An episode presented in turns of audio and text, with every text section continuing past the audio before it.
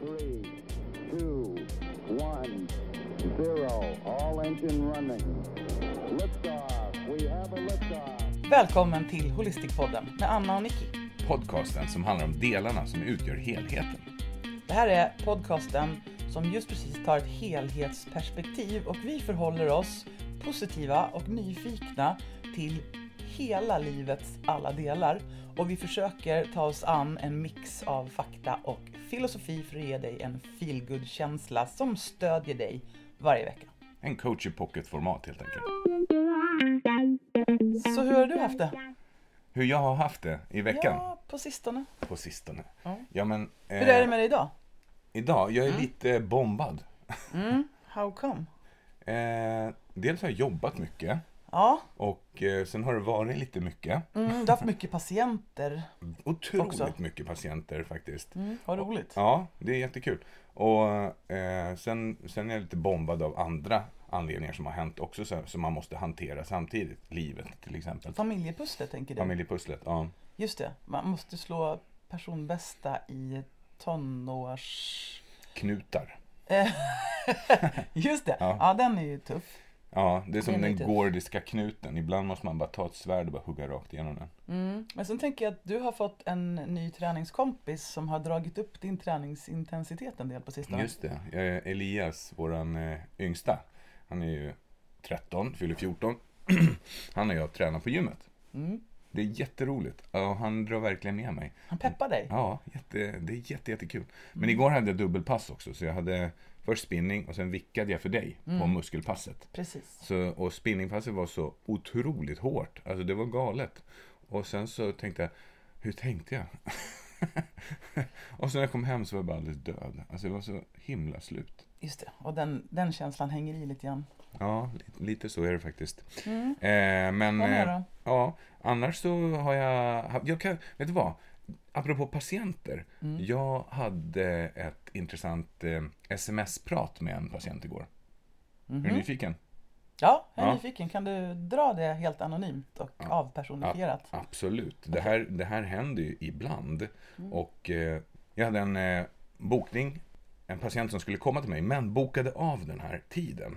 Och då hörde jag av mig till patienten som jag brukar göra och fråga, är allt okej? Och då sa patienten så här via sms, jag läser rakt av. Eh, ja, vad bra. Jag försökte ringa och avboka tiden förut. Har akut ryggskott och läkaren på akuten sa att jag inte skulle gå. Så svarar jag, sa läkaren att du inte skulle komma till mig? Ja, han var tydligt emot sånt här och sa att det var humbug, vilket jag inte tror att det är, men tänkte att det kanske är bäst att lyda. Vad tror du? Då skrev jag, hör av dig vid behov i sådana fall. Akuta ryggskott är en av de vanligaste åkommorna vi behandlar. Rör på dig så mycket som möjligt, undvik att sitta för länge. Trist att du träffar en så oupplyst läkare. Ja, så skrev patienten vad som hade hänt och så skrev jag, ja tack, jag hör nog av mig igen om det inte släpper. Förstår att du har det jobbigt. Vill du ha hjälp så har jag tid imorgon förmiddag. Naprapati är inte humbug utan vi är legitimerade av Socialstyrelsen och lyder under precis samma lagar som läkarna. Håller tummarna för snabb bättring. Hälsningar lägg naprapat na, Nicola Tramontana. Och sen så slutade det med att hej, jag bokar tid imorgon förmiddag om du har den kvar. Och nu är den bokad hos mig, patienten, och så ska vi se till att lösa det på bästa möjliga sätt. Vad tänker du om det här? Min uppfattning är att det här var vanligare förut, för några år sedan. Mm. Nu upplever jag att vi ligger på någon sorts 50-50 gräns. Mm. Alltså 50% av de som träffar läkare träffar en liknande uppfattning. Mm. Att det är alternativt, det är, Mm. nej det är farligt och Mm. grejer. Fast det ju faktiskt inte finns några belägg för det. Medan beror 50% upplever jag nu för tiden och jag, jag inbillar mig att det här är de nyare, kanske lite yngre och mer pålästa läkarna. eller erfarna av egen, av egen erfarenhet eh, kunniga att de själva har varit hos en naprapat till exempel. Ja, det är ju ganska vanligt Mhm. också. Så 50% upplever jag säger så här, nej men vet du vad, gå till naprapat med det här därför att de, de kan det här, de är Mm. jättebra på det här. Mm. Ehm, ungefär så ligger landet tror jag. Mm. Och jag tycker att det är väldigt märkligt. Eh, jag skulle vilja se vad det är man tänker är farligt. En naprapat har inte särskilt mycket negativa biverkningar. Positiva def- definitivt. Verkligen. Däremot det standardpaket som du får med dig från en vanlig vårdcentralutskrivning, Mm. alltså ett paket med läkemedel, har ju alltid biverkningar. Verkligen. Alltid. Alltid. Och Mm. risker och så Mm. vidare. Hur har det varit för dig då, senaste tiden? På sistone? Mm. Eh, jo men bra. Vi sitter just nu och tittar ut på en eh, blizzard, alltså det, det är snöstorm utanför. Ganska fint. Absolut. Det jag tycker är njutbart just nu det är just det här att man får komma ut och träna. Eh, cykla mountainbike, Ja. träna på utegymmet, lyssna Ja. på fågelkvitter. Imorgon ska jag cykelpendla Ja. fram och tillbaks till mitt jobb. Så ja, nej men jag gillar alla väder. ja, Mm. det är inte lika kul att träna ute i gymmet när det ser ut som det gör nu. Nej men det är lite sådär. Nej men annars är det lite grann som, som att det rullar på. Mm. Jag är förbluffad över att vi redan ska växla över till månad fem alldeles Mm. strax. Men- Helt otroligt. Och eh, covid rullar på. Mm. Jag följer den debatten så mycket eller så lite som jag pallar med. Ja, apropå det. Är det någonting kul som är på gång kring det? Ja, Jag tänkte det. Vi ska ju dra iväg idag och göra sådana här T-cellstester. Just det, på Legehuset i Hammarby sjöstad. Enda, enda, enda stället i världen där man gör T-cellstest just nu. Mm. Och det här med T-celler är jag ju väldigt intresserad av. Du är med Mm. antar jag Ja, eftersom vi verkligen. ska kolla det här. Ja. Eh, och helt kort så är det så här att det finns Människor har ju drabbats så olika av det här viruset Mm. hittills. Vissa har blivit ordentligt sjuka, andra Mm. har blivit måttligt sjuka, vissa har blivit väldigt, väldigt lite sjuka eller inte sjuka alls. Mm. Och då börjar man fundera lite grann på vad beror det här på? Och då har man bland annat pratat en hel del om att vi har någonting som kallas för T-celler, en sorts minnesceller i vårt immunförsvar Mm. som kan identifiera viruset och bygga ett försvar. Och när man då testar sig för antikroppar så kan det vara så att man inte har några antikroppar. Mm. Men man har ändå ett bra försvar mot det här viruset. Mm. Och dessutom har man sett att T-celler också är duktiga på att känna igen mutationer och eventuella variationer Mm. på viruset. Så att det här är ju en del i våran naturliga, eh, vårt naturliga möte med ett virus. Alltså det är första barriären i immunförsvaret, kan Mm. man säga, förutom huden. Och så här har det lite grann sett ut i alla tider ju att mänskligheten har utsatts för pandemier Mm. och vi har byggt upp ett naturligt och starkt och ofta livslångt försvar. Mm. Så det ska bli spännande. Det intressanta är ju om staten hoppar på det här och börjar masstesta folk för T-cellsimmunitet, vilket jag tyvärr inte tror kommer hända av massa olika orsaker. Men idag så Mm. ska vi faktiskt prata om någonting som de allra flesta kommer att råka ut för eller har råkat ut för i livet. Mm. De flesta som kommer in till mig och till exempel har ryggskott säger Mm. så här Åh, jag känner mig så pinsam och gammal. Det här händer väl bara gamla människor?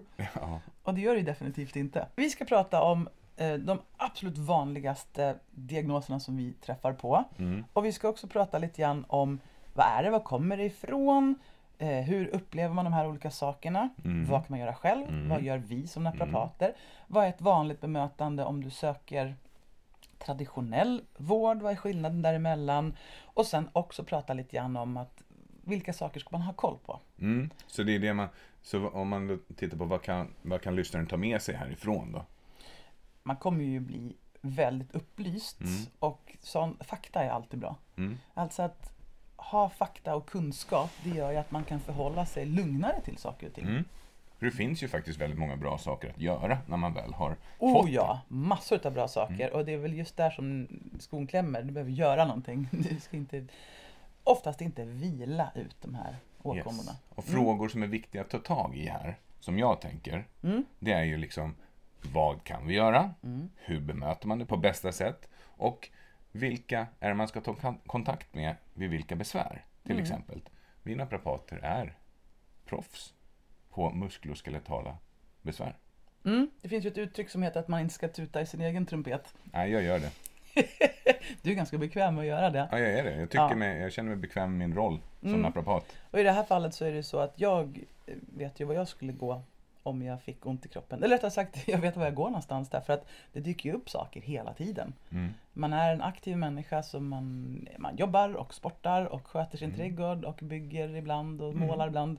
Men sen finns det andra professioner som också är jätteviktiga. Jag har ju med mina höftoperationer fått eh, exponeras för fysioterapeuter och sjukgymnaster, vilket Mm. har eh, förbättrat min världsbild. Mm. Jag har jättestor respekt för deras kunskaper. De är Mm. otroligt duktiga. Vi är, vi är duktiga på olika saker och skulle man kombinera våra eh, liksom, kunskaper allihopa, då skulle det bli fantastiskt för patienten. Ja, det där hoppas jag på i framtiden. Sen ska vi också göra en sak som är väldigt viktiga för oss i, i vårt möte med patienter. Mm.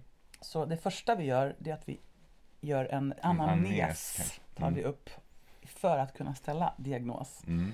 Och i den anamnesen så är det jätteviktigt för oss att göra vissa tester Mm. för att kunna komma till om det är någonting annat. Alltså man måste alltid ha koll på om det finns en differentialdiagnos. Mm. Finns det någonting annat som gör att den här personen har besvär? Mm. Som gör att jag borde skicka den här personen vidare på till exempel röntgen eller utredning. Mm. Och det ingår ju självklart därför att man vill inte vara så pass dum så att man säger att äh, det är bara muskelvärk. Nej, det är superviktigt att man ställer rätt differentialdiagnos, verkligen. Så är det ju.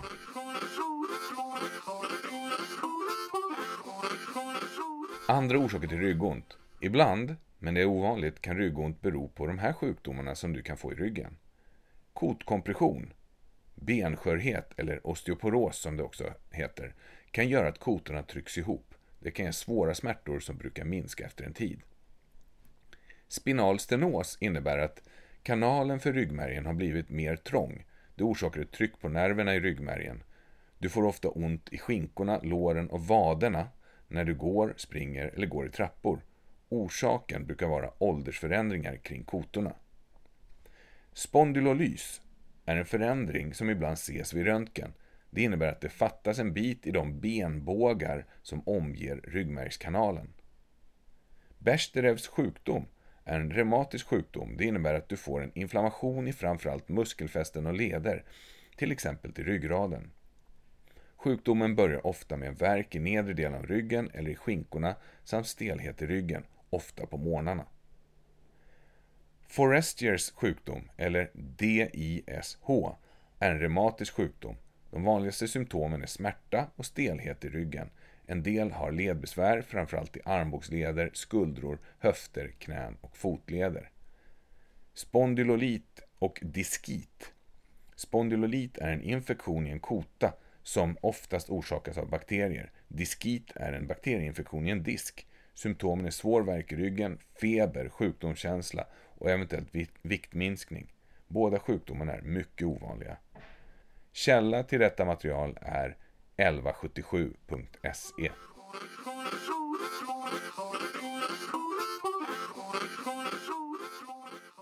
Så tänkte vi också ge lite egna erfarenheter av att ha ryggskott och nackspärr och så vidare. Ja, för de flesta naprapater har ju faktiskt själv erfarenhet av att ha gått till naprapat. Ja, det tror jag också. Till och med så är napapatutbildningens grundare Björn Jison Berg, som tyvärr gick bort för några veckor sedan.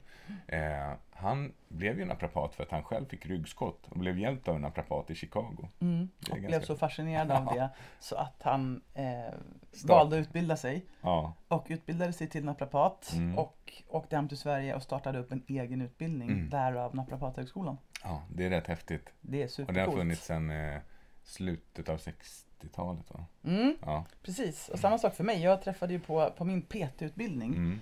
Så träffade jag på Christian Berg Mm. som är en otroligt duktig naprapat och han kan ta med fasen allt. Mm. Och jag blev så imponerad och tänkte jag vill också kunna allt om kroppen men jag vill inte jobba på sjukhus. Mm.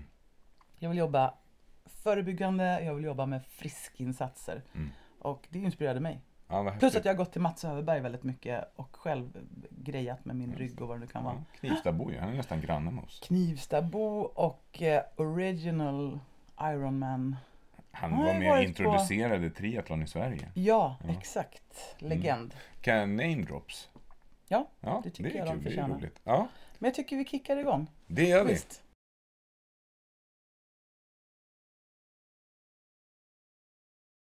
Anna, jag tänker att vi börjar med klassiken nummer ett. The King of Pain på kliniken. Mm.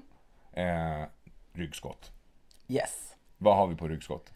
Vi har på ryggskott att det är en slaskdiagnos. Vad menar du kallat. med slaskdiagnos då? Det finns inte några särskilda kriterier som säger att om du klickar i den här och den här och den här rutan på den här och den här nivån, då har du ryggskott. Nej. Utan ryggskott är väl egentligen ett uttryck för att ha ont i ryggen. Ja, men på läkarspråk säger de ju eh, lumbago för Lumbago, ryggvärk och mm. akut lumbago för till exempel det som vi kallar för ryggskott. Mm. Och vad är det som gör någonting akut då? Ja, det är väl egentligen smärtnivå, intensiteten och eh, de eh, vad ska man säga, funktionsnedsättningar som du får av det. Mm. Ja. Men också hur fort det kommer på. Ja, ja. Och, Mm. och sen är det så här, men om du skulle säga, vad är ett ryggskott då? Defini- alltså, om man, folk frågar ju ofta, vad är ryggskott för någonting? Är det liksom, har du någonting som har gått sönder? Mm.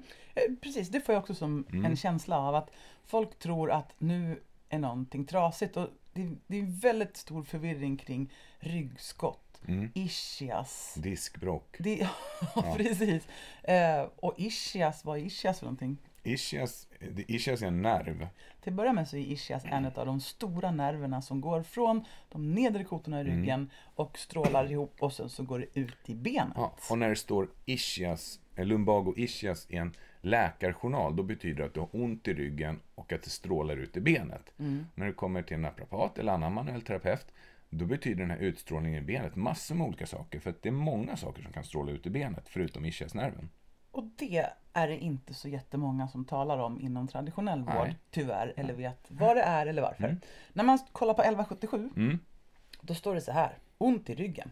Att ha ont i ryggen är mycket vanligt. Värken sitter ofta i nedre delen av ryggen, alltså i ländryggen. Eller som vår goda vän från Frankrike sa, i längdryggen. Mm. Eh, men en del får också ont i bröstryggen. För det, för, för det mesta går värken över av sig själv, men ibland kan du behöva behandling. Det var ju Mm. bra. Mm. Det var ju vettigt ändå. Mm. Eh, och här nämner man också att man har ont i ländryggen, lumbago. Det börjar ofta med en svag och gradvis ökande värk. Mm. En känsla av trötthet. Mm. Eh, och värken brukar kännas extra när man använder ryggen. Mm. Vanligt ryggont. Ryggskott, lumbago akuta, kommer oftast till exempel när du ska lyfta någonting. Ja. På skolan brukar vi skoja om att när någon ska lyfta ut en back öl ur bilen, Ja. det är en klassiker. Du har ett tungt lyft, en bit bort från kroppen och sen så gör du en rotation eller en vridning och där kommer det. Men jag tycker att klassiken nästan är så här. Jag skulle bara vika in en t-shirt i garderoben. Ja, faktiskt. Eller plocka upp en servett från golvet. Ja. Och det är inte det man får ryggskott av. Nej, och då brukar vi ju informera om det. Att då är det så här, då har man under en längre period byggt upp den Mm. här stelheten och spänningen i ryggen. Mm. Och det behövs så lite för att få eh, bägaren att rinna över. Mm. Och då blir det där, plocka upp en strumpa eller Mm. någonting. Mm. Mm. Smärtan som man upplever då, det kan vara skärande, huggande eller molande. Det där brukar vi Mm. ta noggrant reda på när någon söker för det här. Just det, Vilken för det typ ge, av... ja, för Mm. typen av smärta är ju en, ett sätt att kommunicera från kroppen som berättar vart smärtan kommer ifrån. Mm. Så molvärk till exempel, det är klassisk muskulär smärta. Jajamän. Eh, och skär, eh, väldigt brännande smärta, till exempel blixtrande smärta, det kanske har mer sannolikt med en nerv att göra till exempel. Mm.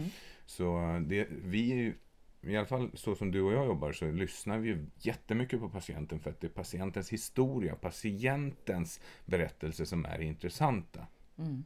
För där måste man kunna särskilja liksom, vad är det patienten säger? Vad hör jag mellan raderna? Mm. Det Precis. superviktigt. Och det blir ju en spännande berättelse att liksom reda ut utifrån. Så det blir Mm. lite grann som att lösa ett deckarfall varje gång som man träffar och det en är patient. så himla roligt. Det är jättespännande och det är spännande just det här att man redan när man har pratat med någon, bara sitter ner och pratar, Mm. så kan man dra vissa slutsatser Mm. från berättelsen. Mm. Sen är det ännu mer kul och det är när man hämtar patienten i väntrummet. Där kan man också dra ganska Där många börjar ju slutsatser. själva diagnosen. Så fort de reser sig.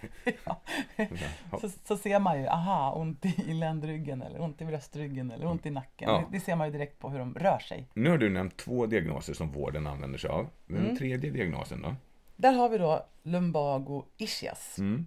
Och det var precis som du sa, att när man både har ont i ryggen och även känner att det strålar utåt i benen, Mm.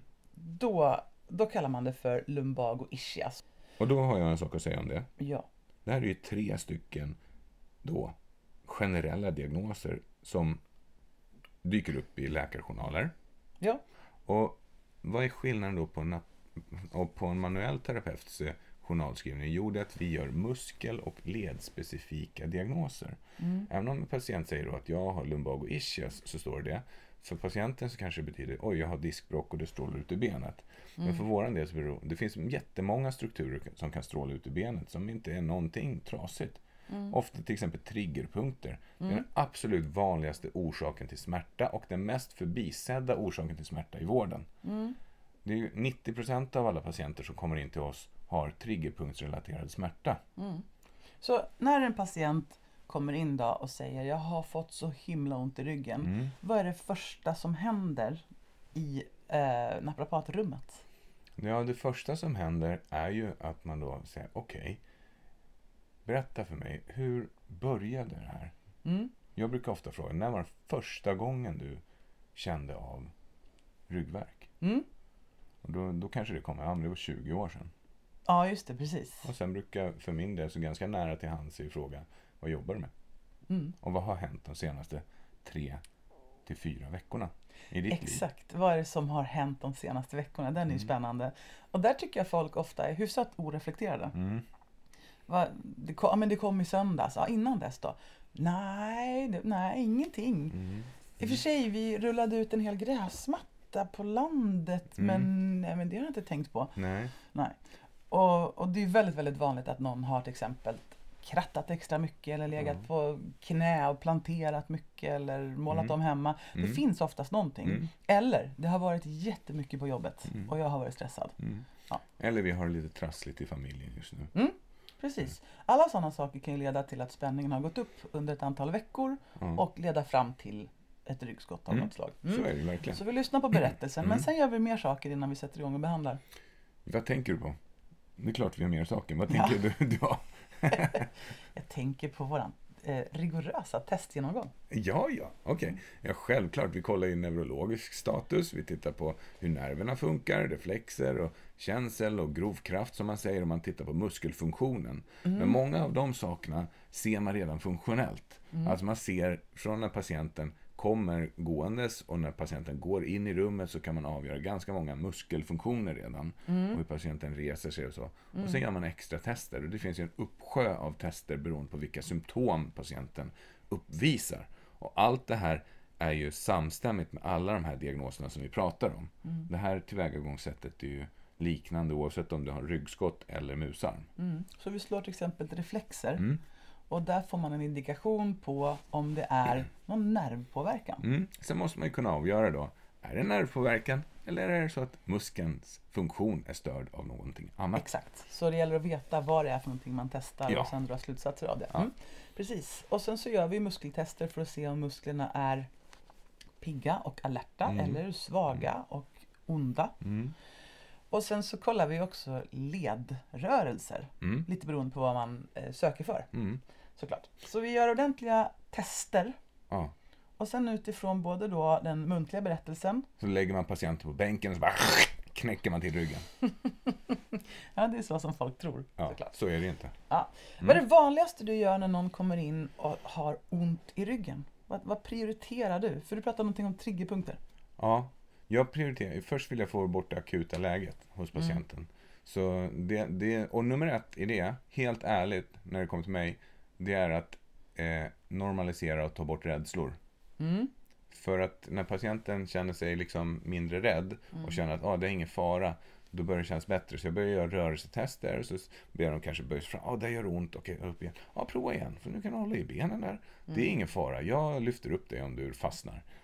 Och då kan patienten börja röra sig lite mer och fattar att ah, men det här är ingen fara, jag är i trygga händer. Det blir väldigt pedagogiskt Mm. när man i rummet kan få fram en bättring. Mm. Dels brukar vi bli glada om vi kan provocera smärtan. Mm. Alltså visa mig vad du inte kan göra. Ja. Ja, när jag böjer mig fram så här så aj! Ja, då har man fått fram att patienten själv kan provocera smärtan. Mm. Och sen kan du göra någonting som omedelbart gör att ja, nu känns det bättre att böja Ja. sig fram. Till exempel så kan man ju trigga den muskeln. Då. Man retar den lite grann, slår ut den lite temporärt med olika tekniker. Och så provar jag, prova nu då. Ja, men nu känns det bättre. Ja, vad bra, då vet vi var det kommer ifrån. Mm. Och att det går att göra någonting åt Ja. saken. Mm. Så, Och det brukar ju vara väldigt positivt och skönt för patienten att Mm. känna att oj, det går att påverka nu på en gång. Verkligen. Sen brukar jag vara väldigt pedagogisk och lärande till, gentemot mina patienter. För jag antar, jag har ett antagande om att alla patienter inte vet exakt vad det här beror på. Nej. Så brukar jag använda böcker och visar och läser för patienten att det här är orsaken till det och berättar liksom hur det funkar. Mm.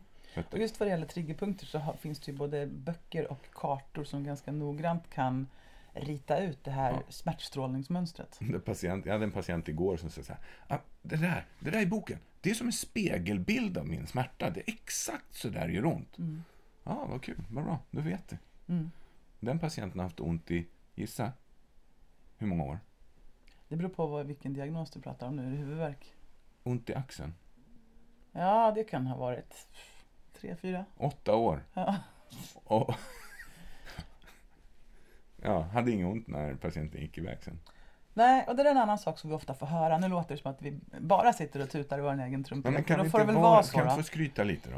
Ja, men skryta, men framförallt så tycker jag att det är lite smått för jävligt Ja. att det här inte lyfts fram och att det faktiskt inte erbjuds alla. Nej. För det här blir ju liksom då en segregerad del som söker naprapat och betalar privat för naprapat. Jag vet, det, Men- går, det är ju så här det sker. Hur ofta varje vecka händer det inte att någon kommer till oss, får behandling och liksom utbrister men varför har ingen sagt att det här går att göra? Varje dag skulle jag säga att det händer. Ja, det är faktiskt, det, det är faktiskt inte okej. Det är inte okej. Det här är Var- någonting som alla borde få hjälp med. Och jag tycker att det vi gör, Ja. det är ju så här, det finns många som kan diagnostisera, men inte kanske på den nivån som vi gör.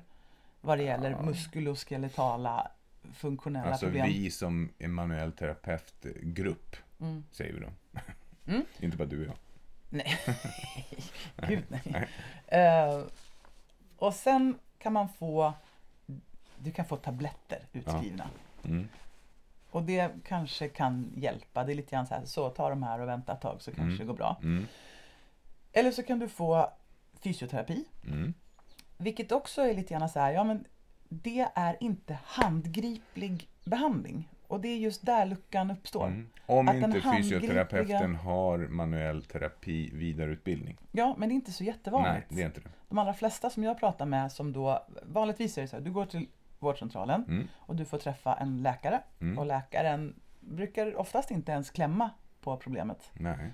Eh, brukar inte, var det någon som tog i dig? Nej, det var ingen som rörde mig faktiskt. Mm. Utan det är bara ett samtal.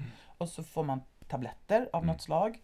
Och sen så kan du också få en remiss då till fysioterapeut. Mm. Om en eller två veckor. Mm. Och då får du hjälp med rörelser. Mm. Men det är fortfarande så att man kan få ta emot en patient och det är ingen som har tagit i patienten, rört på den eller tryckt eller överhuvudtaget gjort någonting. Mm. Och där tycker jag att luckan uppstår. Mm. Och där behövs det någonting. Därför att där hjälper man många.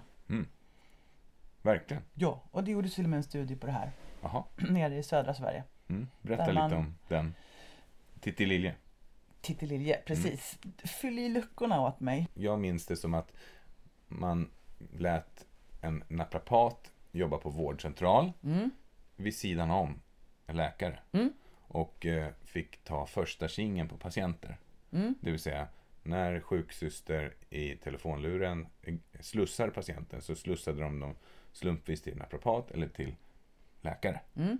Och läkaren fick göra bedömning om det här var något som läkaren skulle ta tag i eller skicka till naprapat eller till sjukgymnast eller operation. Mm. Och naprapaten fick göra det också. Mm. Det innebar att de manuella patienterna som, som inte behövde operation Mm. eh, skickades till naprapaten. Och naprapaten kunde vid första besöket redan ge behandling. Mm. Och på det stora hela så innebar det att efter några få behandlingar så blev de absolut, absolut mesta delen av patienterna jättemycket bättre eller bra. Mm.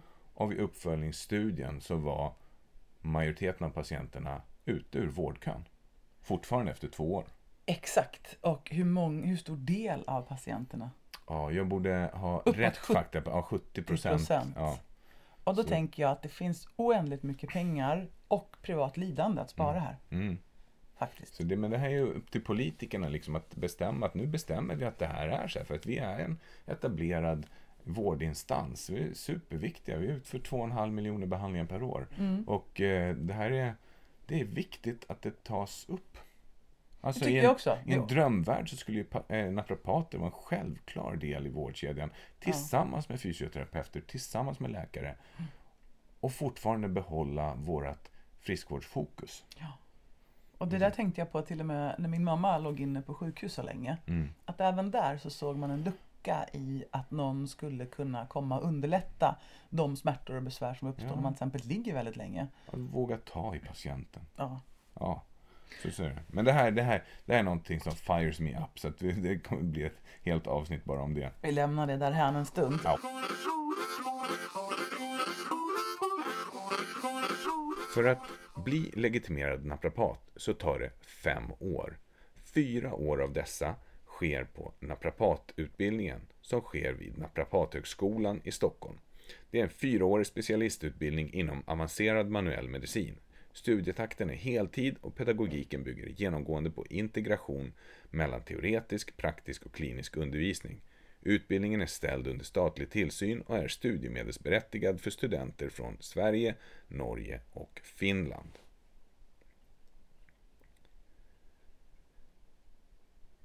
Hälften av studierna på naprapatprogrammet ägnas åt kurser såsom anatomi, fysiologi, neurologi, ortopedi och idrottsmedicin.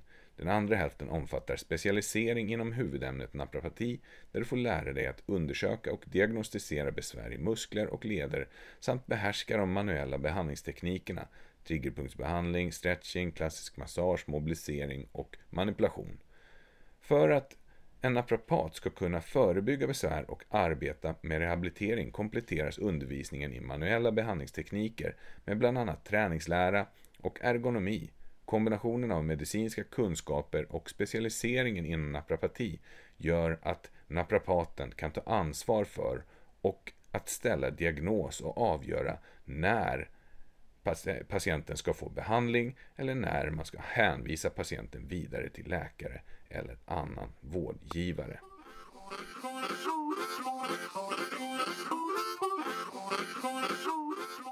Så vi pratade om ryggskott Mm. och det är ju då, för det första, det kan drabba i alla åldrar. Mm.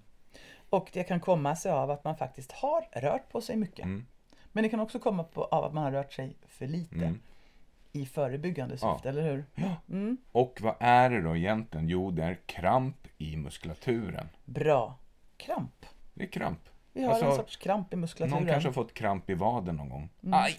Men när du får ont i kramp i ryggen så är det aj, aj, aj, aj. Mm. Det gör jätteont. Och vår kropp fungerar ju så här att den slår ju på muskelspänningarna när den vill skydda oss. Mm. Men den är inte lika bra på att slå av muskelspänningarna. Nej. Så att om du tänker att du knyter din näve Mm. nu, Mm, ganska gör jag. hårt, Det sådär. Ja. Mm. Gör det ont? Nej. Vad tror du om du håller den här näven knuten sådär hårt i en timme? Tror du att du kommer börja bli trött då? Ja, du börjar bli trött. Om du håller den här näven knuten i ett dygn, två dygn, Nej, tre dygn. Omöjligt. Alltså, En vecka. Nej, det är fruktansvärt. Det är klart det skulle göra ont när du då skulle försöka röra handen och Ja, och när jag ska få rä- Använda rätta den. ut den, då kommer jag vara sjukt stel. Det kommer göra jätteont, det kommer göra jättestel.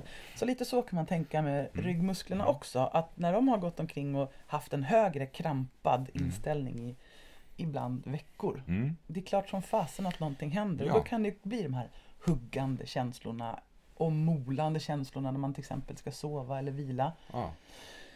Och sen är det en massa små muskler i ryggen som är icke viljestyrda i ett muskelsystem som heter erector spine.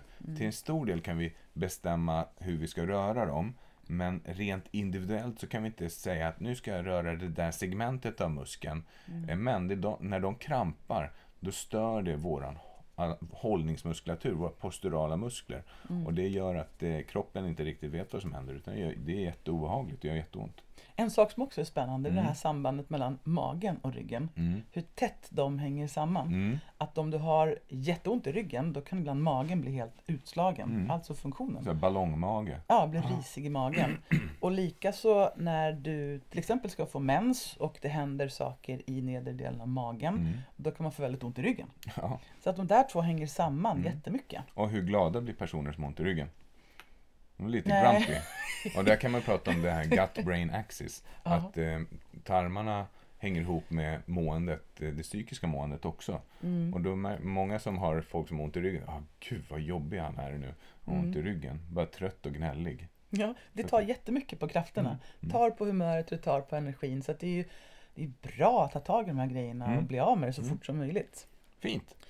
Ja, så ehm, vanligtvis så kan det ju hända att när man söker för det här, om man nu söker för det här, Mm. eh, så kan man få med sig lite en, en karta med Voltaren eller liknande. Mm. Drug of choice. Drug of choice, eh, vilket är bra. Jag brukar faktiskt tipsa mina patienter Mm. om att ja, men, har du sådär ont i ryggen, ta Ipren Alvedon därför att det finns ingen egen nytta att gå omkring och ha ont. Smärta triggar spänningar, spänningar ger mer smärta. Så att det där blir liksom en del av den här onda cirkeln, smärtspiralen. Mm. Och eh, tar du Ipren Alvedon så kan du få några timmar av smärtfrihet Mm. och då kommer musklerna också slappna av. Och när musklerna slappnar av lite mer, då kommer mer cirkulation och cirkulation är en bra start på att det här ska läka ut utav sig själv. För kroppen har ju liksom en Ja. möjlighet att läka ut det här. Ehm, du kan också få ryggskott i bröstryggen. Mm. Och jag brukar alltid tänka ländrygg, så jag blir alltid förvånad när folk säger att ja, det är här uppe Ja, det. bh-bandet. Ja. Ja. just det, just det, där kan man ju Ja, det, också där ha. också. Mm. Eh, jag har själv haft ryggskott både i övre delen av ryggen och Mm. i nedre delen av ryggen. Jag har haft ganska mycket Mm. ryggbesvär faktiskt. Mm. Inte tänkt så himla mycket Nej. på det. När jag var liten så sa de att nej, men det är växtverk. Och jag hade väldigt mycket så här strålningar ner i benen Mm. så jag kunde inte sitta, jag kunde inte stå, jag kunde inte bla bla bla. Vad först- gjorde du då? Gick först- på händer? Jag tog väl Ipren och höll igång. Okej. Mm. Eh, Men jag gick lite grann till naprapat och grejer och Mm. jag tycker det har funkat bra. Mm. Med åren så har jag lärt mig att det absolut bästa man kan göra det är Mm. att styrketräna. Mm. Det är by far. Ja, mina, mina go-to för ryggen det är ju att när det kör ihop sig då går jag till naprapat och det absolut förnämsta det är dry needling. Att sätta nålar plus ström, Mm. det hjälper så mycket. Ja. Det sticks lite men det hjälper. Mm. Sen att hålla igång med styrketräning hjälper otroligt mycket. Mm. Och sen tyckte jag att yogan tillförde en dimension till som gjorde att ryggen i stort sett blev besvärsfri faktiskt. Sen för två år sedan så röntgade jag min rygg Mm. och fick se att den hade ju varit av. Eh, en vanlig, hyfsat vanlig åkomma som är typ 10% av alla ungdomar Mm. tror jag har, har eller får det här och det är att ryggen inte riktigt liksom har gått ihop så du får en glidning mellan kotorna. Spondylolistes. Spondylolistes stämmer. Så det var inte så konstigt att jag hade haft ont i ryggen då. Inte ett dugg. Nej, men det har gått jättebra att leva med. Och Mm. det är just det som är knepet, att har man ont i ryggen då och då, då får man hitta sina egna lösningar. Mm. Man får samla på fakta och erfarenhet och sen så får man hitta lösningar som gör att man känner sin rygg och får vardagen att fungera. Mm. Jag kan också berätta om min rygg. Mm. Så jag, hade ju, jag har ju opererat mina höfter för artros. Jag är ju metalleder just nu. Ytersättning. Mm. Ett helt annat avsnitt någon gång i framtiden kanske. Men eh, då röntgade jag ryggen också. Så visade det sig att sa ortopeden, du har ju två centrala diskbråck. Mm. i L4, L4 L5. Mm. L5S. Jaha, har jag? Ja. Äh, känner inte av dem eller? Nej, inte som ryggskott. så.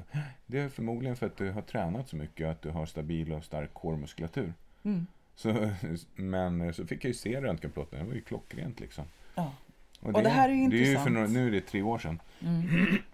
Men, eh, men det är ju ingen fara heller. Alltså, om tar man hand om det på rätt sätt Mm. så går det ju att liksom få bukt med det. Man gjorde någon studie för några år sedan på just det här med diskbrock. Mm. Och för att, för att förklara lite snabbt så är det så att Ja, det här är sjukt intressant. ryggraden består ju av ett antal kotor. Mm. Längst upp så har vi ju liksom skallen och Mm. sen så har vi sju stycken eh, halskotor.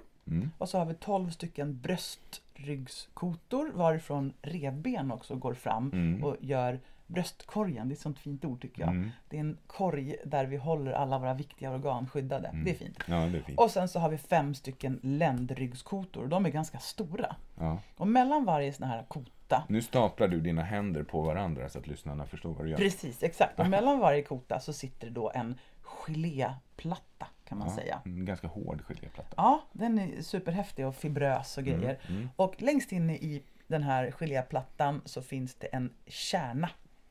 Nukleus. Ja, som s- jättegeléig. Som är geléig. Mm. Och sen har vi ungefär 40 stycken lager som är lite så här mera stabila så att säga. Mm. Och rent krasst så brukar man säga så här att du har 40 dåliga lyft på dig genom livet per disk. Mm. Sen har du knäckt igenom de här lagren och du har risk för att du får en diskbuktning. Alltså att den här geléiga kärnan börjar bukta ut. Mm. Eller att den helt och hållet brister och läcker ut. Mm. Och sker det här åt vilket håll som helst så gör det inte så himla mycket. Det är just när det sker så att det trycker på en nerv Mm. som det blir besvärligt. Mm. Och man har sett att de allra flesta vuxna människor har en eller två diskbråck utan att veta om det. Mm. Det är ganska intressant. Och har du ofta ont i ryggen då kan det vara så här att ja, men du har en diskbuktning eller diskbråck här och när du inte sköter dig så slår det här igenom och Mm. du får ont i ryggen. Mm. Men det är så här. Och vad Vi- visade det här då, då? Den här studien? Var det det just det? Att Det var just det att många har ett diskbråck utan att ens veta om det. Ah, okej. Det är jättevanligt. Ja, ja. Att du kan göra en röntgen och så kan man se att ja, men här har du haft ett Mm. diskbråck. Det ser väldigt utläkt ut just nu. Lite kort om det så finns det en annan studie där man gjorde att man, man skannade igenom folk med ryggar. Och så såg man Mm. Med då- ryggar. med, ja, med ryggar. Ja. Så, och folk som... Eh, och då tittar man då igenom att man såg ju det här att flera hade diskbråck. Men de har inte någon historia av ryggvärk. Nej. Och sen så sa man då till, de till en del av gruppen så sa man Jag ser att du har diskbråck i ryggen på de här, de här nivåerna. Och ja, så är det. Eh, och så informerar man patienten om det. Och den andra delen så sa man ingenting till patienten. Vad tror du hände då? Jo, den gruppen som man sa att du har diskbråck i ryggen, de började få ont i ryggen. Och det här är ett helt annat avsnitt. Hur Mm. du talar med patienterna och vad du planterar för någonting hos dem. Verkligen. Men, however, så här är det. Mm. Man bör alltså söka hjälp man har ont i ryggen. Mm. Och då finns det vissa kriterier som vi tittar efter och som man som patient också ska titta efter. Mm. Och det är så här. Om du inte märker att du är kissnödig eller liksom kissar på dig plötsligt. Då behöver du söka vård. Inte Direkt. naprapatvård utan då behöver du söka eh, vård på en gång. Även om du får domningar eller nedsatt känsel kring ettan och tvåan, alltså en tarm och könsorgan. Mm. Då, då misstänker man att ja, men då kan det vara så att en nerv ligger i kläm och man vill inte ha kläm på de här nerverna som styr de här funktionerna. Utan då är det bråttom att söka vård, det är jätteviktigt. Eh, om du har domningar, stickningar eller svaghet i bäggbenen, sök vård. Om du plötsligt får ont efter en olycka, bilolycka eller fall eller vidare, då ska du söka vård. Om du har smärta i bröstkorg och mage, det här är jätte- jättesvårt därför att ryggskott i bröstryggen kan ju ge strålningar till smärta och mage. Men det är så här att här måste man ha en säkerhetsmarginal så att det inte handlar om några eh, vitala organ. Kan alltid ringa till en naprapat och fråga. Eller Ja, eller 117 kanske. 117, 112. Eh, nej, ja, 112. 1177 menar jag. Ja. Eh, kan man ringa och fråga. Ja. Och sen också om du har feber eller känner dig riktigt sjuk i samband med de här ryggbesvären. Mm. Det. Och då är det så här, du kan alltid ringa sjukvårdsrådgivningen på telefonnummer 1177. Mm. Och det här är viktigt att hålla koll på. Och i de allra flesta fallen så är det ju så här att man då kollar upp för säkerhets skull, det är ingenting och sen kan du komma till naprapat. Mm. Så att den viktighetsordningen är bra att hålla koll på. Ja, du. Det Generellt sett, Ja. det man inte ska göra när man har ont i ryggen. Ligga still. Yes. Vi, vi var på en föreläsning med en otroligt söt farbror ifrån England i tweedkostym. Ja, Han hade jobbat som läkare i många, många år. Och han berättade när han var nyutexad. Då fick han åka runt till folk som hade ont i ryggen, för de låg ju hemma då. Mm. Och då hade han fått lära sig att när folk har ryggskott så ska du rekommendera två veckors vila. Mm. Sen gick det några år och han märkte och fick nya direktiv att nej hörni, det är nog en vecka egentligen som Mm. verkar bättre. Och sen ganska snart så var det så att nej, tre dagars vila verkar Mm. mer gynnsamt.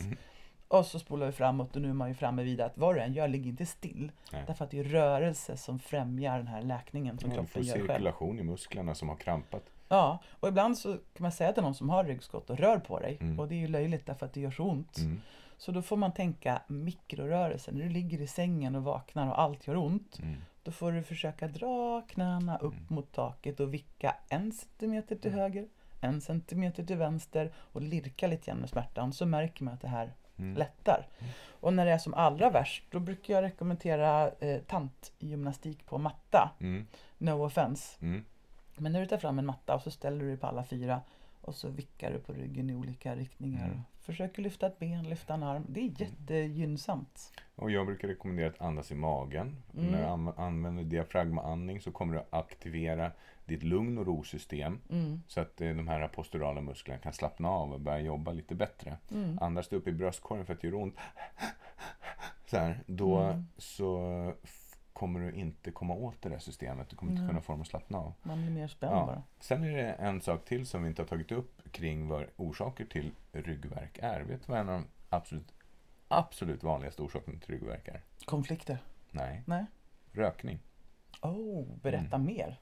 Ja, rökning har man sett är en av de viktigaste, största riskfaktorerna för ryggvärk. Därför att rökning eh, försämrar mikrocirkulationen i kroppen och framförallt kring de små, små, små kapillärnätverken som är de som nutrifierar och trycker in vätska in i diskarna när vi ligger och sover. Mm. Och det kallas för imbiberingspumpen. Mm. Så imbiberingspumpen är verksam på natten, så när vi sover så normalt sett så fylls diskarna på med vätska så att de liksom ska bli squishy och mjukare. Mm. Eh, och sen under dagen så pressas de ihop på grund av gravita- eller tyngdkraften. Då.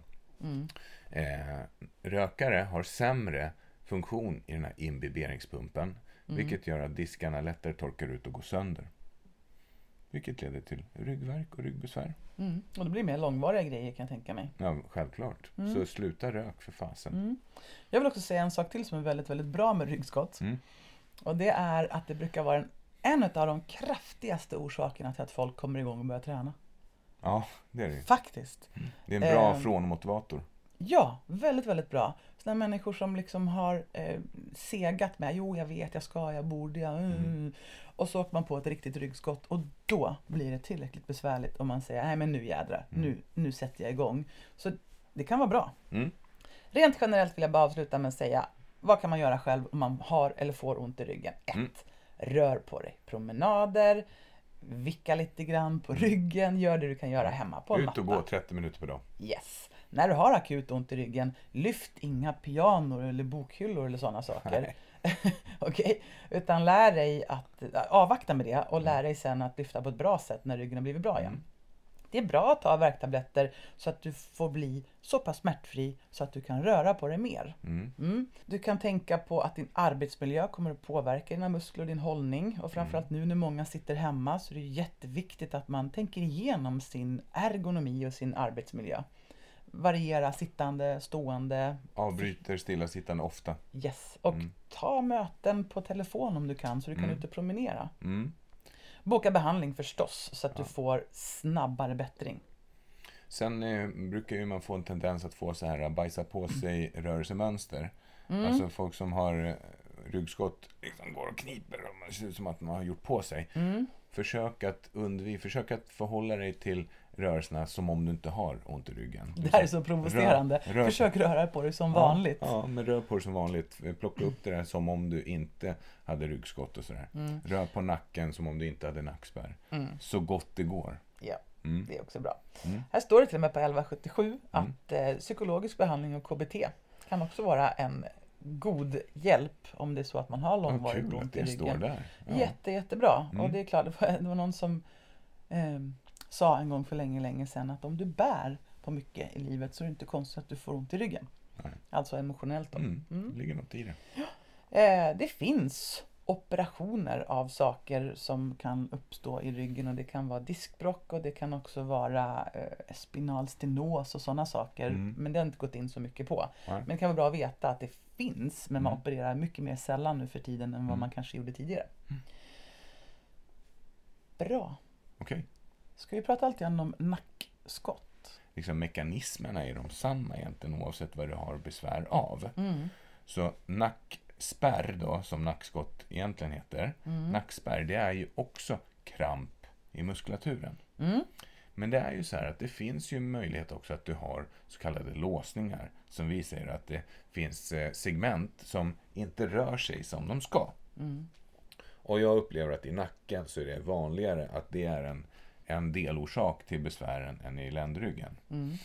Eh, och då kan det vara så att musklerna krampar och just i nacken så finns det ungefär 60 olika muskler som håller upp huvudet. Och de är små dessutom. De är små. Alltså de är mindre än de här musklerna som man har kring höftbäcken och ländrygg. Tänk dig att de är lika tjocka som lillfingret. Mm. Och sen så går de upp liksom i den här fantastiska strukturen som eh, bildar nacken. Mm. Och fäster upp i skallen och på kotorna, ner i revbenen och ner mot ryggraden. Och, och, ja, men det är mäktigt. Och då kan ju en av de här musklerna krampa och ge nackspärr. Och då gäller det ju då att veta vilken struktur är det som har gjort det här och orsakat det här. Mm. Hur brukar nackspärr beskrivas då när folk kommer in på kliniken eller söker vård? Ja, men framförallt stelhet, att de inte kan rotera nacken. Mm. Har du haft nackspärr någon gång? Ja, Mm. rejäl. Flera. Eh, Jag hade faktiskt, jag krattade så intensivt här Mm. för några veckor sedan. Mm. Jädrar vilken nackspärr jag Mm. fick. Det är ju helt bedrövligt. Man kan väl säga så här, nackspärr när du håller still huvudet kanske inte smärtar lika mycket som ryggskott generellt. Mm. Men när du rör på huvudet så gör det ont. Mm. Sen och kan sen är man musklerna så spända så att ibland så känns det som att man orkar inte hålla upp sitt eget Nej. huvud. Man skulle vilja ha en sån här nackkrage som håller i huvudet Mm. åt en. Det ska man absolut inte ha. Nej, för ibland så du blir nästan arg när man Ja. eh, Jag ser nämner- folk som har nackkrage och tänker, vad i helskotta, vad är det för klåpare? Ja. för vad händer när man sätter vid en nackkrage? Nej men det händer ingenting. Jo, musklerna blir ju avkopplade och urkopplade. Så Ja. när du sen tar bort nackkragen så har du ju problem. Mm, verkligen. Så man kan faktiskt behandla det här och samma sak här. Nålar, supereffektivt i triggerpunkter men också mjukdelsbehandling i nacken. Jättebra till skillnad från ryggskott som man kanske inte vill massera på för då kommer patienten inte upp från bänken igen. Men nackspärr, jättetacksamt att massera på mjukt för att sen gå vidare med kotorna och lederna och triggerpunkterna och få ner muskelspänningen. Det där är intressant, det glömde vi nämna ja. Mm. Att eh, när någon kommer in med sån här akut ont, Mm. då vill man ju helst inte massera. Nej, känns bara bra för stunden. Utan man behöver kort och intensivt sätta in en behandling som liksom snäpper till och Mm. gör en skillnad. Mm. Eh, Man har gjort misstaget tidigt i karriären att man har stått där och masserat masserat. Känns det bättre nu? Nej, det gör ont. Ja, då masserar jag lite till. Ah, Känns det bättre nu? Nej. kan du kliva upp nu? Aj! Nej. Så kommer patienten inte upp från bänken och så blir det katastrof. Mm. Eh, nej men det är inget bra, det är inte farligt men det är liksom, man förvärrar ju problemen. Mm. Så att, eh, det är bra att veta vad man ska göra då. Mm. nej men nackspärr, och jag tänker så här. Eh, när man har mycket stress, alltså när du har långvarigt stresspåslag Mm. eh, och kanske av det slaget som är oro och ångest och sådär. Ja. Då triggar ju det i våra mänskliga kroppar att man spänner uppe kring hals och nacke. Ja. Det är en sån här urgammal eh, skyddsmekanism, Mm. att man spänner här uppe. Så det är vanligt att folk som lider av till exempel oro och ångest faktiskt har mera problem med spänningar i och kring axlar, nacke. Mm. Och hals ska vi inte Mm. ens prata om. Nej, käkar. Mm. Det är Mm. väldigt få personer som behandlar, alltså man pratar inte så ofta om att är du spänd i halsen? Nej. Men det kan man vara. Då vill jag berätta ett roligt patientfall. Ja. Det var en eh, kvinna som var hos mig för några veckor sedan Mm. och eh, jobbar som chef på ett, eh, ja, ett stort företag. Och, eh, eller mellanchef. Och var, hon pratade så här. Ja, alltså jag har ont i nacken och, och så här. Man hör att personen är ganska stressad. Ja. Och det visade sig att det var, eh, var hon också. Mm. Och, och eh, sen så behandlade jag det och så skulle hon berätta vad som har hänt. Så bara, eh, ja. ja, men det... Oj! Vad har hänt med min röst? Oj! Men kan, kan det här påverka rösten? Ja, nu låter du som en chef igen. Nu låter du som en ledare. Ja, men helt otroligt. Kan det verkligen vara så? Ja, det är. Men jag har gått omkring och varit hes i flera månader. och, så att, eh, och det är rätt häftigt. Och vi har en gemensam bekant som är operasångerska. Hon kom till mig för att eh, få behandling för att hon märkte att hennes register blev bredare. Mm. Hon kunde sjunga liksom bättre.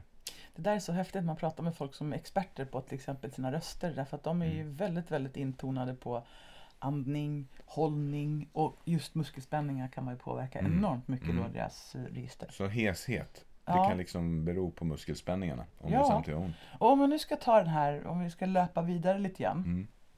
Ilningar i käke och tänder Mm. Det är också väldigt vanligt med triggerpunkter. från käkmusklerna. Ja. Mm. Lock i öron, susningar i öronen. Framförallt öronsusningar och lockkänslor, absolut triggerpunktsrelaterat. Mm. Ja. Okej. Eh, synrubbningar, påverkan på syn och skärpa och så. Mm. Framförallt till exempel så lite dimsyn och Mm. svårt med att eh, man får, texten hoppar och så när man läser. Mm. Det är ju muskelspänningar väldigt många gånger och triggerpunkter. Mm. Och de här triggerpunkterna då kan man ju hitta, vi hitta, i eh, halsen stora men även mindre muskler. Mm. Även i ansiktet muskler. Inne i munnen. Jajamän, och det finns även triggerpunkter som sätter sin smärta i panna, ögon, Eh, kring näsa. Alltså det finns såna här saker. Och, och det här är så pass, Huvudvärk. o, ja, och det här är så pass okänt. Mm. Så att det är liksom ingen allmän kunskap att oj, oj, oj, nu känns det som en fläck i pannan, då är det bäst jag går och får behandling Nej. på min stora halsmuskel. Exakt, du kanske inte, går du till en läkare så kommer inte den läkaren säga ja ah, men just den där verken, den, det är muskelspecifik smärta från sternocleidomastoideus. Nej. För den kunskapen har de inte. Nej, och det man snarare tänker på när det kommer konstiga smärtor i ansikte och funktionsrubbningar, det är ju värre saker. Mm, och då Oj. blir man skannad och får MR och här ska vi kolla efter cancer och MS och alla möjliga åkommor. Nej, de hittar ingenting. Men vad kan det vara då då? Då Mm. Och det är alltid bra oro, att man liksom. tar det osäkra för Mm. det säkra så att säga och kollar upp saker och ting. Men när det sen är uppkollat då upplever jag att då blir man släppt. Nej, det var inget. Mm. Nej, men jag har ju fortfarande ont. så att, ja, absolut. Eh, nackspärr är ju bara en variant och min upplevelse är att det dels, det sitter ganska mycket ner mot skuldrorna ofta. Ja, faktiskt. Det är de här djupa nackmusklerna liksom. Mm. Och ner mellan skulderbladen, rhomboideus är ju en stor orsak till Mm. nackspärr. Men det kan ju ofta leda också till huvudvärk. Och på tal om Ja. huvudvärk så är det ju någonting som folk går omkring med till och från och lider ganska mycket av. Mm. Jag Faktiskt. jobbar väldigt mycket med huvudvärk. Mm. Så det, det, och, och det är ju intressant också för att de allra, allra, allra, allra flesta formerna av huvudvärk är spänningsrelaterade som kommer till oss. Ja. Sen finns det ett hundratal olika typer av huvudvärk. Mm. Och, men de ger ganska specifika symptom. Mm. Man brukar prata om en huvudvärk som, heter, som man brukar benämna för suicide headache. Har du hört talas om det? Hortons Mm. eh, huvudvärk. Som liksom gör, det beskrivs att det gör så fruktansvärt ont som man vill ta livet av sig. Mm, det är inte så kul. Den kommer i episoder någon gång per år ofta. Mm. Så att det, det, men spänningshuvudvärk, klassiskt för det är att du har ont i flera dagar i sträck. Mm. Och, och att det, kardinalsymptomen för spänningshuvudvärk ofta att du har att du känner dig trött fast du har sovit ordentligt, lätt irritabilitet, att du har svårt att fokusera blicken, du får problem med närminnet och eh, sen så får du ont och värk upp i nacken, över tinningarna, in bakom ögonen. Mm. Väldigt vanligt. Man kan Ja, få yrsel vanligt. också. Ja, och exakt. Man kan få yrsel. Man kan också få illamående av Ja. de här påslagen i musklerna. Precis. Eh, och det positiva är att det finns mycket att göra. Mm. Och vi behandlar ju ofta då igen med akupunktur. Mm. Men det finns alternativ till det om man tycker att det känns läskigt. Och akupunktur, vill bara Mm. sätta en disclaimer här. Det vi sätter inte klassisk kinesisk akupunktur. De pratar om meridianer, energisystem och sånt. Det är inte den typen av akupunktur vi pratar om, utan vi pratar om triggerpunktsakupunktur. Man använder en nål för att sätta in i muskeln. Mm. Så det är en rent fysikalisk behandling fast vi använder samma typ av nålar. Det är lättare att benämna det för akupunktur. Och varför vi använder nålar det är för att det blir en större effekt Ja. än om man till exempel då trycker på muskeln. Exakt. stretchar Så man muskeln. sätter in en nål in i, genom huden in i muskeln. Då kommer immunförsvaret känna att oj, det här är någonting som jag inte vill ha här. Så skicka resurser till det här området som är läkande, antiinflammatoriska, cirkulationshöjande, smärtlindrande och så vidare. Och så får man jättekoncentration av det här kring triggerpunkten, vilket hjälper kroppen att läka ut det här smärtsamma området. Återställa funktionen. Mm. Coolt. Vad är det man ska tänka på för differentialdiagnoser då kring nacke och Nackspärr. eh, nackspärr och sådana saker? Ja, diskbråck, diskbuktning, Mm. nervinklämning. Alltså, eh, Och hur vet man som patient det här då? Vad, vad ska man gå på för någonting? Ja, man, till att börja med kan man väl säga så här att man kan ju, behöver kontakta vården så fort som möjligt om du i samband med ont i nacken blir svag i muskulaturen och får domningar till exempel i ena armen eller handen. Och mm, liksom eh, kontakta en vårdcentral på en gång om du känner dig stel i nacken och samtidigt har feber och känner dig allmänpåverkad. Därför att det kan vara ett mm, kraftigt tecken på hjärnhinneinflammation. Till exempel. Så då behöver man vara snabb. Då måste man in dit på direkten. Då ska man liksom bara ringa 1177 direkt och be Mm. Och det kan man ju råd. säga att man får ju inte feber av muskelspänningar. Du Nej, får inte feber av att ha eh, nackspärr. nej, så just den här allmänpåverkan och feber, superviktigt att ha koll på. Mm. Mm. Och generellt sett så är det ju så.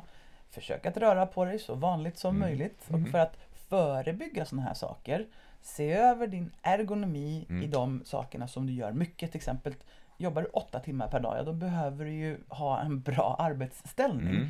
Och en bra arbetsställning det är när huvudet liksom är upprätt Mm. och kroppen och, och tittar rakt fram. Så fort som du böjer på nacken för att stirra ner i mobilen eller om du sitter som en hängig sån här Mm. gamnacke Mm. framför datorn, ja, men då kommer du att belasta musklerna så att de blir trötta så att det kan leda till spänningar, Mm. värk med mera. Vill ha, eh, jag tänkte berätta om ett stalltips kring liksom hur man får bukt med det här. Ja. Man har ont. Yes. Därför att det som händer när vi får nackspärr, är att vi har väldigt mycket receptorer som har med balansen och all, alla rörelsesinnen, ledsinnen och sånt att göra som sitter uppkopplade med de här musklerna och lederna. Eh, och till exempel så har vi kroppens inneboende reflexer. Mm. Till exempel så om du som lyssnare testar att göra det här nu, det jag kommer säga. Eh, om du tittar med ögonen åt vänster och vrider huvudet åt höger samtidigt nu. Så märkte du att det var ganska svårt därför att de inneboende reflexerna säger åt eh, kroppen att inte vrida huvudet. Så nu gör Anna det här bredvid mig. Ser jättedum ut. Eh, men eh, det gör att när vi, men om du däremot tittar åt vänster och vrider huvudet åt vänster eller tittar åt höger och vrider åt höger, då är det jättelätt. Och samma sak, titta uppåt och eh, blicka uppåt med huvudet. Men gör vi tvärtom så blir det tokigt. När vi får nackspärr så blir ögonen ofta fixerade rakt fram. Man får ont och man börjar röra sig som Robocop så här. Stelt. Så det du kan göra är att använd ögonen för att göra rörelserna. Så när du ska vrida åt höger så vrid ögonen först. Och vrid ögonen först. Vrid ögonen. Titta uppåt när du ska nicka uppåt. Titta neråt när du ska nicka neråt. Och så. Mm. Mm. Det hjälper liksom kroppen att mobilisera det här. That's very good. Så, så styrketräning då? För nacken. Är det bra att styrketräna generellt? Det är jättebra att styrketräna generellt. Mm. Det är fantastiskt. Det är ju det är nummer ett. Vi brukar prata om det här strecket, du och jag. Mm. Man har som ett, det känns som ett streck som går ner mellan skulderbladen på ena sidan. Mm. Det är en typisk sån här styrketräningsgrej. Mm. Träna upp eh, skulderbladsmuskulaturen. Och sen finns det även en jättebra övning som jag i alla fall benämner för neck-ups. Mm. Som är jättebra. Det kanske man kan spela in en liten film. Vi har på våran eh, YouTube-kanal så finns det 30 dagar i april. Mm. Och där på ett av de avsnitten så går vi igenom just till exempel neck-ups. Mm. Mm. Very, very good. Sanna, om vi bara kollar, vad har vi snackat om idag? Ja, men idag har vi pratat om någonting som du och jag skulle kunna sitta och prata om i evigheter. Jag känner mig så lovar. nördig kring det här. Ja, Alltså, men jag, det jag blir kunna, så. jag skulle, Men, ja. men och skulle vi ha en klassåterträff så skulle vi också kunna sitta och prata ännu längre. Därför att det här, men helt ärligt så är det så här. Alla människor har en kropp. Ja. Och den här kroppen är helt fantastisk. Men den, den trasslar ju ibland. Mm. Alltså det är ju helt självklart. Och, och för mig till exempel som lever med en naprapat. Mm. Jag tar ju säkert en behandling i månaden. Mm. Och det kan vara nacken och det kan vara något knä och det kan vara en rygg. Liksom, alltså det händer ju saker med kroppen. Och jag personligen är så otroligt tacksam för naprapatin. Därför Mm. att istället för att tänka att åh nej, någonting är fel, så tänker jag okej, det här behöver fixas och jag vet att det går. Mm. Kroppen har sådana enorma självläkande inneboende faktorer att kunna laga sig själv. Mm. Och eh, jag tycker att vi naprapater får den här piken in bakom att ett knä som trasslar, Mm. ja men det är oftast inga problem. Mm. Det fixar vi. Det är Mm. oftast muskulärt. Det är oftast så att det går att påverka. Mm. Och fötter och händer och armbågar och nacke och rygg och sådär. Vi behandlar ju faktiskt hela kroppen. Yes, så jag hoppas att vi har pratat om möjligheter kring när man får ont i kroppen. Det finns så mycket möjligheter. Dels som man kan göra själv. Mm. Dels fakta som man behöver känna till att det är okej att ta läkemedel eh, under en kortare period. Mm. Och också känna till att de här varningssignalerna behöver hålla koll på när det gäller till exempel rygg och nacke, för de är allvarliga. Mm. Sen är det lite generellt så här att det finns två typer av människor. Mhm. Det är de som har ont i ryggen och de som kommer få ont i ryggen. Exakt, och det är bra att veta. Och man behöver inte känna sig gammal eller dålig Nej. eller så för att man får ont i ryggen eller nacken. De flesta patienter med ryggvärk som kommer till oss är mellan 35 och 45 år. Majoriteten. Ja, fast Mm. jag kan säga att det förekommer yngre. Jo, det gör ju det, men majoritetsgruppen, liksom, den stora massan är i den, den åldern. Och tittar man statistiskt stämmer det. Jättebra. Så vi har pratat om den naprapatiska infallsvinkeln på några av de absolut vanligaste åkommorna som man antingen har haft eller kommer att få. Mm. Ja. Och det övergripande målet med det här det är ju liksom att sprida mer feelgood och fakta och kunskap Mm. till människor, som du sa, som har en rygg Ja, alla människor som har och en rygg. nacke Ja, alla människor och ett huvud. Alla människor som har ett huvud. Ja. Ja. Nej men precis, och då genom den ökade kunskapen kanske kan känna sig lite lugnade. Mm. Och veta att det går att göra någonting åt det här. För Mm. att det är faktiskt någonting som vi de senaste 20 åren har jobbat dagligen med. Jag menar, du och jag har ju båda två cirka 30 000 behandlingar bakom oss. Mm. Eh, menar, då har man ju sett det mesta. Och man skulle kunna berätta success stories i evigheter. Ja. Men jag ska dra två fall. Mm. Jag träffade en tjej som kom in och just var sådär precis akut, akut ryggskott. Hon hade så himla ont. Mm. Och vi gjorde en behandling och då får man ju liksom preppa lite grann. Nu har vi gjort en behandling, du får vila idag och sen Mm. så vaknar du förhoppningsvis imorgon. Och det känns mycket bättre. Och det var precis det som hände. Mm. Fick ett sms. Det känns så mycket bättre nu. Ja. Och det är ganska remarka- remarkabelt Ja, att få så snabba resultat på någonting som är så jobbigt. Mm. tacksamt. Yes, sen hade jag en annan klient, Mm. personlig träning, som haft ont i ryggen mycket och länge. Mm. Och vi satte in ett superduper bra program som man liksom både hinner med men som ändå gör jobbet. Mm. En månad senare så berättade hon då att jag har nästan inte ont i ryggen och det har jag faktiskt haft de senaste åren. Ja. Så att jag tänker att vill man ta hand om sin rygg Mm. då vill man definitivt styrketräna regelbundet. Och det Mm. behöver inte vara så himla mycket. Säg två gånger 20 minuter i veckan. Mm. Där får du mycket bra gjort. Mm. Med fokus på core. Mm. Du vill också se över din arbetsergonomi. Alltså hur du sitter och håller kroppen från dag till dag. Mm. Hur du går, hur du står och hur du lyfter. Och när man väl får ont så skulle jag ju rekommendera att man söker hjälp. Därför att du kommer snabbare igenom Mm. besvären. Mm. Ja, Så är det ju. Och eh, kolla om du har en försäkring som täcker in det här. det är många försäkringar som gärna eh, skickar dig till en vårdgivare, till exempel en naprapat. Ja, oftast, de flesta försäkringsbolagen kräver inga eh, läkarremiss heller, utan du får komma till naprapat direkt. Och vi är anslutna till till exempel eh, Boka doktorn, som gör att de flesta försäkringsbolagen kan se att vi finns och kan boka in via det då. Mm. Och varför vi finns där, det är ju för att försäkringsbolagen själva tappade pengar Ja. och kände vad ska vi göra åt det här? Mm. Och så testade de att sätta in någonting som faktiskt hjälpte patienten att bli bättre och då vände den här trenden av att tappa pengar. Så det finns där helt enkelt för att det funkar. Mm. Mm. Very good. Ja, jag hoppas det här var liksom givande Mm. och byggde på lite faktamuskler Mm. på kropparna som lyssnade. Mm. På Mm. kropparna som lyssnar, Ja. vad fint. Så att vi är bättre rustade att förstå att kroppen gör ont ibland och det finns mycket som vi kan göra och det, liksom, det är en del av att ha en kropp. Se det som kommunikation från kroppen till dig själv. Ja, Liksom, det kan vara, vad, vad beror det här på egentligen? Mm. Ja, så kan man lära sig någonting om sig själv. Mm, det tycker jag var bra. Mm. Vad spännande. Mm. Jag tänker att nu ska vi gå till kliniken och eh, träffa på både ryggar och nackar och eh, musarmar och, Huvudvärkar och plantarfasciter och hälsporrar och, och lite frusna skuldror. Frusna skuldror. Lite knepigt, men ja, Mm. det ska vi ha. Mm. Eh, Nej, su- men jag har hopp. Ja, jag med. Ja. Alltså, det är så... Alltså, ja. Herregud vad jag skulle kunna prata om naprapati. Ja. Men det blir så himla...